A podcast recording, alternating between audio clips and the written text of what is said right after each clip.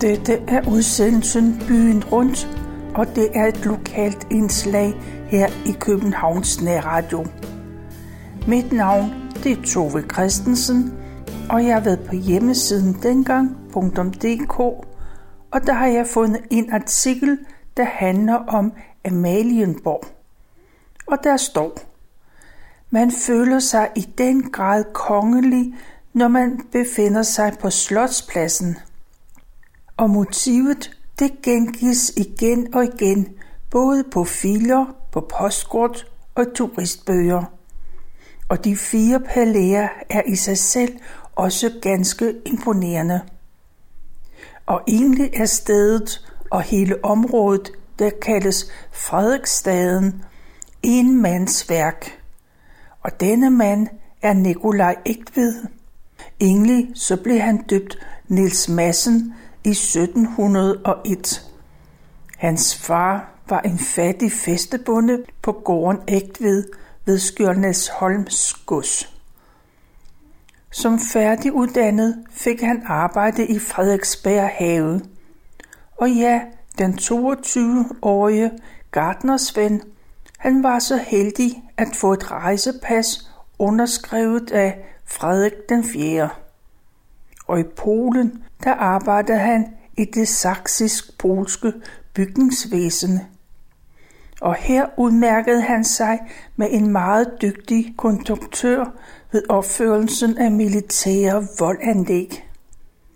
Han sugede til sig af viden og fortsatte med at imponere. Han fik de nødvendige midler til at videreuddannelse i Italien, i Østrig og i Bayern og i 1735 vendte han tilbage efter 12 år i udlandet. Nu var han blevet en fitteret hofbygmester og kaptajn i ingeniørkorpset. Snart blev han involveret i at gøre Christiansborg Slot færdigt. Han lavede det kongelige beboelsesrum samt tegningerne til marmorbroen og to markante pavilloner. Ægved, han leverede også tegningerne til prinsens palæ på den anden side af kanalen. Og bygningen blev i 1743-44 det var en bolig for landets kronprins, den senere Frederik den 5. Han havde travlt denne ægtved. Ret hurtigt leverede han tegninger til en række rigmandspalæer og lysthuse i Nord- og i Sydsjælland. Og han fik også overdraget opgaven til at opføre det første kongelige teater. Det hed Komediehuset på Kongens Nytorv. Og derefter fulgte det kongelige Frederiks Hospital, det der i dag er Kunstindustrimuseet, og det asiatiske kompanis pakhus på Christianshavn og Christianskirken. Og så er der det, at kongen havde engageret Ægtved til at føre ideen om Frederiksstaden og Amalienborg ud i livet. Han kom i den grad til at sætte sit fingeraftryk, for alle tegninger de skulle godkendes af ham. Han ville have uafvigelige retningslinjer opfyldt. Husene de skulle være lige høje, og både gesimser og vinduer de skulle flugte. Ved hans død havde man dog kun set begyndelsen af det, der skulle blive hans hovedværk. Molkes og Levitsaus palæer, de var opført, men der manglede endnu to palæer. I 1749 der fejrede man jubilæumsåret for Oldenborgernes overtagelse af kongeerhvervet. Det var vel med et års forsinkelse. Man tog det ikke så nøje dengang, for det var i 1448, at grev Didrik af Oldenborg blev indsat som dansk konge under navnet Christian den Første. På tredje dagen af disse festligheder lagde kongen grundstenen til et andet af ægtvedsprodukter. Det var Frederikskirken. Og så gik der 145 år for det første spadestik til indvielsen af Marmorkirken i 1894. Jo, Frederiksstaden udviklede sig til noget af det fornemmeste i København. På kysten, der holdt floden til, og langs tolvboden var der mange tømmerhandlere, og de havde store mængder af brandfarligt træ liggende. Og bygherrerne, de skulle sikre sig en byggetilladelse fra Holmens chef, admiral Sum, og tilladelsen den blev kun givet under forudsætning af, at de nye huse blev grundmuret og ikke det traditionelle bindingsværk. Og de brandfarlige erhverv, de måtte flyttes et andet sted hen i byen. Så fremstilling af øl, af brød og brændevin, det måtte foregå et andet sted. I rasende fart havde Ekvid udarbejdet en plan for hele området af Amaliengade og Frederiksgade og den centrale plads, hvor de skærer hinanden. Han lavede facadeudkast til borgerhuse og til lige udkast til fire ens palæer på pladsen. Overhofmarschall Adam Gottlieb Molke han engagerede sig i projektet. Formelt var han uden politisk indflydelse, men han var kongens nærmeste rådgiver, og egentlig så var han rigets mægtigste mand. Den tysksprogede Molke havde i 1743 også ansvaret for prins Frederiks moralske levemåde. På grund af Frederik den 5. udsvævende livsfølelse, så var det ofte Molke, der skulle påtage sig de opgaver, som kongen egentlig skulle have påtaget sig. Og de fire palæer, de blev opført efter en samlet plan i 1750'erne. Men egentlig så skal man langt længere tilbage i tiden for at få starten af den historie for det begyndte med en lysthave, der blev ødelagt. Et lille stykke vej uden for Vesterport, det var omtrent der, hvor hovedbanegården ligger i dag. Der havde Frederik den 3. dronning en lysthave. Den var blevet ødelagt af svenskerne i årene 1658 til 59. Da freden igen havde sænket sig, så måtte der finde en erstatning. Og hendes svigerfar, Christian den 4., havde taget initiativ til at fordoble Københavns areal ved at flytte byporten og hovedstadens voldanlæg.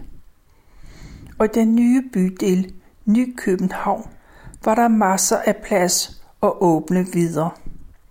Derfor var det naturligt, at det var her i de landlige omgivelser, at Sofie Amalie besluttede at anlægge dronningens have. Og hun erhvervede sig den nuværende Sankt Anne Plads og Fredericia-gade, og som strakte sig fra kysten og ind til Bredgade. Det var ganske vist meget sumpet og et værre moras at færdes i, men det kunne der jo gøres noget ved. I 1664 havde magistraten fået at vide, at de skulle lade hovedstadens betydelige mængder af gaderenovation indgå som opfyldningsmateriale i det våde strandeng. Efter nogle år kunne Tolbodgade anlægges på en dæmning langs kysten. Og dronningen var tydeligvis glad for sin have. Da Frederik den 3. døde i 1670, opførte hun et lystslot som enkesæde. Det var en bygning på tre etager med en kuppel over midterpartiet. Den fik meget passende navnet Sofie Amalienborg.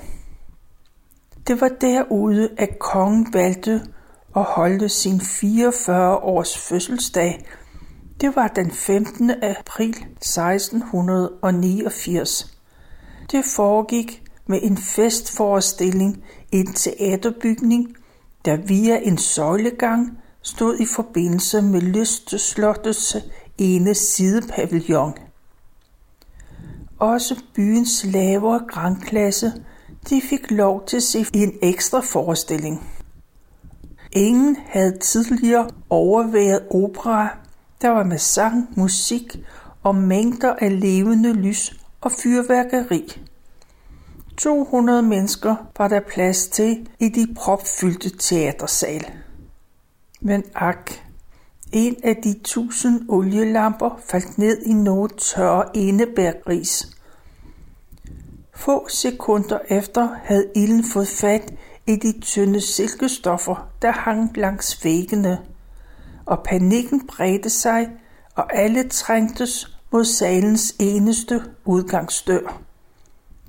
Foran vinduerne havde man af sikkerhedshensyn anbragt træmmer.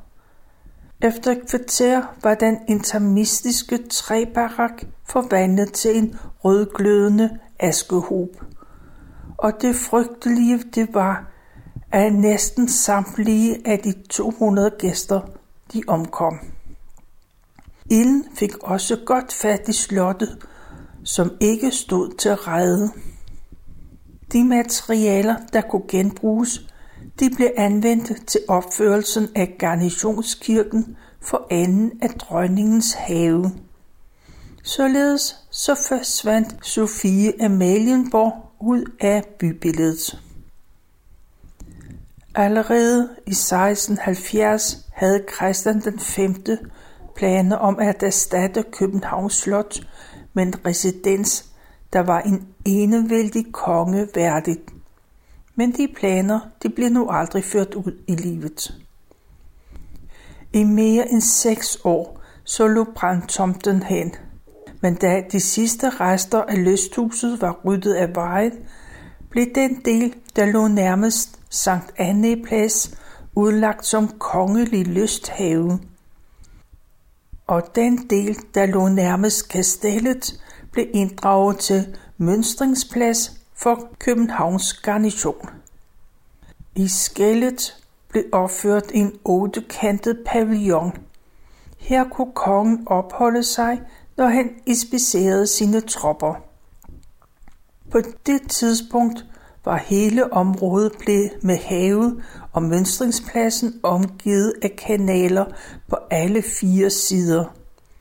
Og langs Sankt Anne Plads og Bredgade blev der plantet alléer af lindetræer.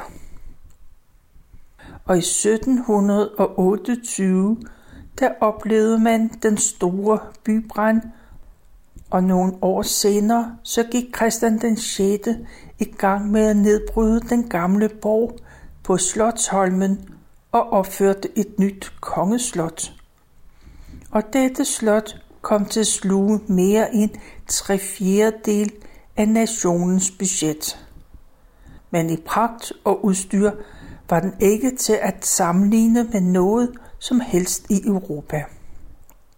Og derefter var der ingen, der interesserede sig for området omkring Amalienborg. Det var lige indtil kongen i 1743 bad Ægtved om at lave tegninger til et nyt palæ til kronprinsen.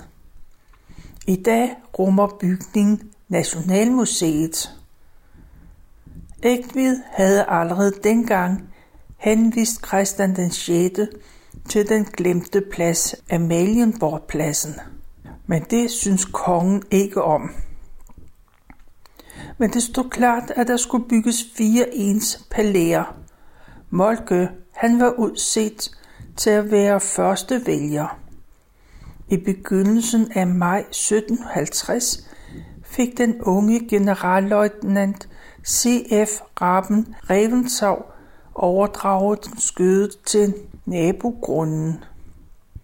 På østsiden var det Geheimråd og baron Joachim Brockdorf, der var udset til at opføre et palæ. Og endelig var det konferenceråd baron Severin Løvenskjold, der var fundet værdigt til formålet. Det gik det også fint med de første tre, som med det samme kastede sig over opgaven. Men det knep for den unge løvenskjold. Der gik et helt år, inden han kom i gang. Problemerne voksede der også efterhånden, som huset fik form. Og økonomien, den kunne heller ikke holde til det bygningsværk. I 1754 så afhændede han det hele til den hovedrige grevinde Anne Sofie Jacques. Hun ville ikke selv bo der, for hun havde lige købt admiral Niels Jules store palæ på hjørnet af Kongens Nytorv og Bredgade. Men nu var det sådan, at hendes barnebarn, Lensgreve Hans Schack, netop stod til at skulle giftes. Og det var med naboen, Molkes datter. Et palæ på Amalienborgs plads var vel en passende begyndelse. Men parret, de boede der ikke ret længe, og lensgreven havde jo også Schackenborg Slot i Mølentønder. Og der blev han udnævnt som stiftamtsmand. Der opstod økonomiske problemer, Ja, faktisk blev han sat under administration af rentekammeret. Og løsningen blev, at Jacques Palæ blev udlejet til folk, der gerne vil betale en tårnhøj leje på byens dyreste adresse. Næsten det samme skete for baron Bogdorf. Han ejede flere godser i Sydslesvig og foretrak at opholde sig der. Inden han død i 1763 havde han fundet passende lejre. Det var tre unge prinser fra Hessen Kassel. Da Molke købte Brockdorfs sønderjyske besiddelser, så fulgte Amalienborg med i handlen. Men han solgte Amalienborg videre til Frederik den 5. Således blev kongen kort før hans død i 1766 ejer af en af de palæer, som han 15 år tidligere havde befalet opført. Palæet det blev i kongehusets navn omdannet til akademi for henholdsvis hæren og floden. Og så blev der uddannet officerer til rytteriet, infanteriet og flåden i Brogdorfs fornemme bygning. Sidst på eftermiddagen den 26. februar 1794 kunne der ikke agtages et rødt skær ind over København. Nogle timer senere havde tjenestegørende ved hoffet opdaget, at der var udbredt brand ved Christiansborg. Men desværre, så var det for sent. Dagen efter ragede de sortsværtede rester af murværket op gennem askedyngerne. Det første Christiansborg havde et pragtfuldt indbo og et væld af kostbare kunstværker. Slottet nåede kun at blive cirka et halvt århundrede gammelt. Det var en national katastrofe. Kongefamilien, der om vinteren altid befandt sig på slottet, var blevet evakueret. Nu var kong Christian den 7. den i praksis regerende kronprins Frederik, de var blevet hjemløse. Den første nat tilbragte far og søn hos general von Hoth i kirsthuset på kongens nytår. Derefter blev kronprinsen indkvarteret hos udenrigsminister Bernstorffs, mens den øvrige kongefamilie de blev indkvarteret på Rosenborg, Sovenfri og Fredensborg. Allerede tre dage efter branden begyndte man at kigge på Molkes palæ. Det havde stået tomt i halvandet år efter Molkes død. Bygningen var ubeboet og stadig møbleret, og prisen var overkommelig, Den kostede kun 45.000 ristaler. Og for at skaffe plads til kronprinsen blev Jacques palæ på den anden side købt to dage efter. Det palæ skulle dog igennem en omfattende restaurering, og de mange forskellige lejre havde ikke været skånsom over for bygningen. Og så købte arveprinsen kongens halvbror Levensovs palæ, og nu var kongefamilien sandelig flyttet ind. En tronstol med himmel blev skaffet fra Frederiksberg Slot. Også et nyt billardbord blev stillet til rådighed. Og de ting, der blev reddet fra Christiansborg, blev stillet til rådighed for de kongelige. Det var professor i arkitektur ved Kunstakademiet, hofbygmester Harsdorff, der skulle stå for ombygningen. Herskabet lå på landet, men da arbejdet skulle gå i gang, så strækkede halvdelen af de københavnske håndværkere. Man måtte kalde på assistance fra Holmens skibstømmer. Og de 200 strækkende tømmersvende, de fik så valget mellem strafarbejde i lænker eller fast lønarbejde. Frem til 1808 spillede den tidligere Molkes Palæ en central rolle i statsstyrelsen. Den sindssyge Christian den 7. blev installeret der, og siden har dette palæ båret hans navn. Han blev indlogeret et mindre gemærk, der vendte ud mod haven i stueetagen, men der var ikke udgang til det fri. På hver side fik to kammerherrer deres logi som en slags skilvagt. De skulle passe på den utilregnelige monark. Resten af det prægtige palæ, det tjente til andre formål.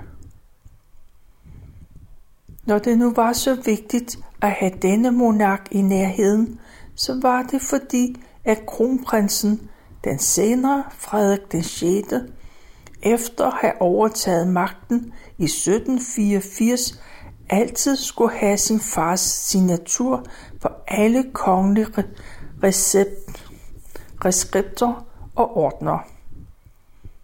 Derfor havde arkitekten Harsdorff i 1794 opført kolonaden. Den forbandt kronprinsens og kongens palæer. Kronprinsens palæ, det er i dag dronningens residenspalæ. På den måde gav det en bekvem adgang for sønnen, når han skulle hente fars underskrift. Da kolonaden blev opført, regnede man med, at den kun skulle være kort tid før kongefamilien der kunne vende tilbage til Christiansborg. Derfor blev den kun bygget i træ og blev malet i sandstenskulør. Det blev aldrig til noget med at flytte. Levinsaus palæ det blev bolig for arveprins Frederik og prinsesse Sofie Frederikke. Deres søn, prins Christian Frederik, den senere Christian den 8. boede her under hele guldalderperioden, og her samlede kongen store samlinger af kunst og enkedronningen Karoline Amalie kom efter kongens død til at sidde i udskiftet bo. Og først efter hendes død i 1881, så solgte man samlingen. Og sandelig om ikke H.C. Andersen kom til Brogdorfs palæ. Det var kommandør Wolf og frue, der havde inviteret ham den 19. december 1825, og lille juleaften var der bal i riddersalen for de unge kadetter. Selve kongen, Frederik den 6., kom forbi og så på sine kadetter. I 1828 blev palæet indrettet til bolig for prins Frederik Karl Christian, den senere Frederik den 7. og kongens datter Wilhelmine. De blev gift hvor der var et kæmpe bryllup med 700 gæster. Men ak, Ægteskabet var elendigt. Prinsen holdte højrystede fester nede i stueetagen, og selvom det blev forsøgt at lægge låg på, så var det kendt, at ikke alle sømmelighedens grænser de blev overholdt. Til sidst mistede den kongelige svigerfar, Frederik den 6. tålmodigheden med sin svigersøn og sendte ham i eksil. Først kom han til Jægerspris Slot og så på Island, og han talte ikke senere et eneste ord til ham. Wilhelmine blev hurtigt lykkelig igen. Kort tid efter så blev hun forlovet med hertug Karl af Slesvig-Holsten. Og i 1869 så flyttede kronprins Frederik, det var den senere Frederik den 8. og prinsesse Louise ind. Og her boede de i mange år, indtil han i 1906, indtil han i 1906 efterfulgte sin far på tronen. Og i 35, 1935 blev der indrettet en kronprins Frederik, det var den senere Frederik den 9. og dronning Ingrid. Frederik den 7. tog forresten aldrig ophold på Amalienborg. Han boede enten på Christiansborg, på Frederiksborg eller på Jægerspris Slot. Han lå indrettet en bolig til sin hustru til venstre hånd. Det var Louise Rasmussen, som efter vielsen i 1850 blev ophøjet til lenskrivinde af Danner. Palæet det stod ikke tomt så længe. Det blev overdraget til lenskrive Wilhelm af Hessen Kassel. Langt senere blev stedet, der blev kaldt for Frederik den 8. palæ, beboet af dronning Ingrid. Og Jacques palæ kom til at hedde Christian den 9. palæ. Her boede Frederik den 6. Og hver aften sagde han, Godnatten, Ole, sluk lyset. Det var henvendt til kongens gamle kammertjener. Dengang havde kongen kun en meget spartansk seng uden himmel eller gardiner.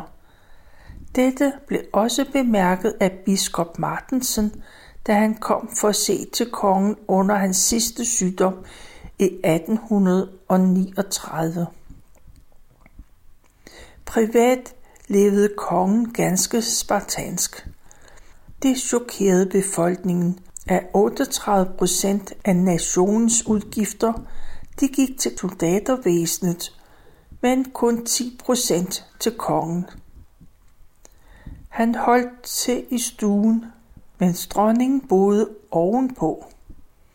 I hele 40 år holdt kongen til der i palæet.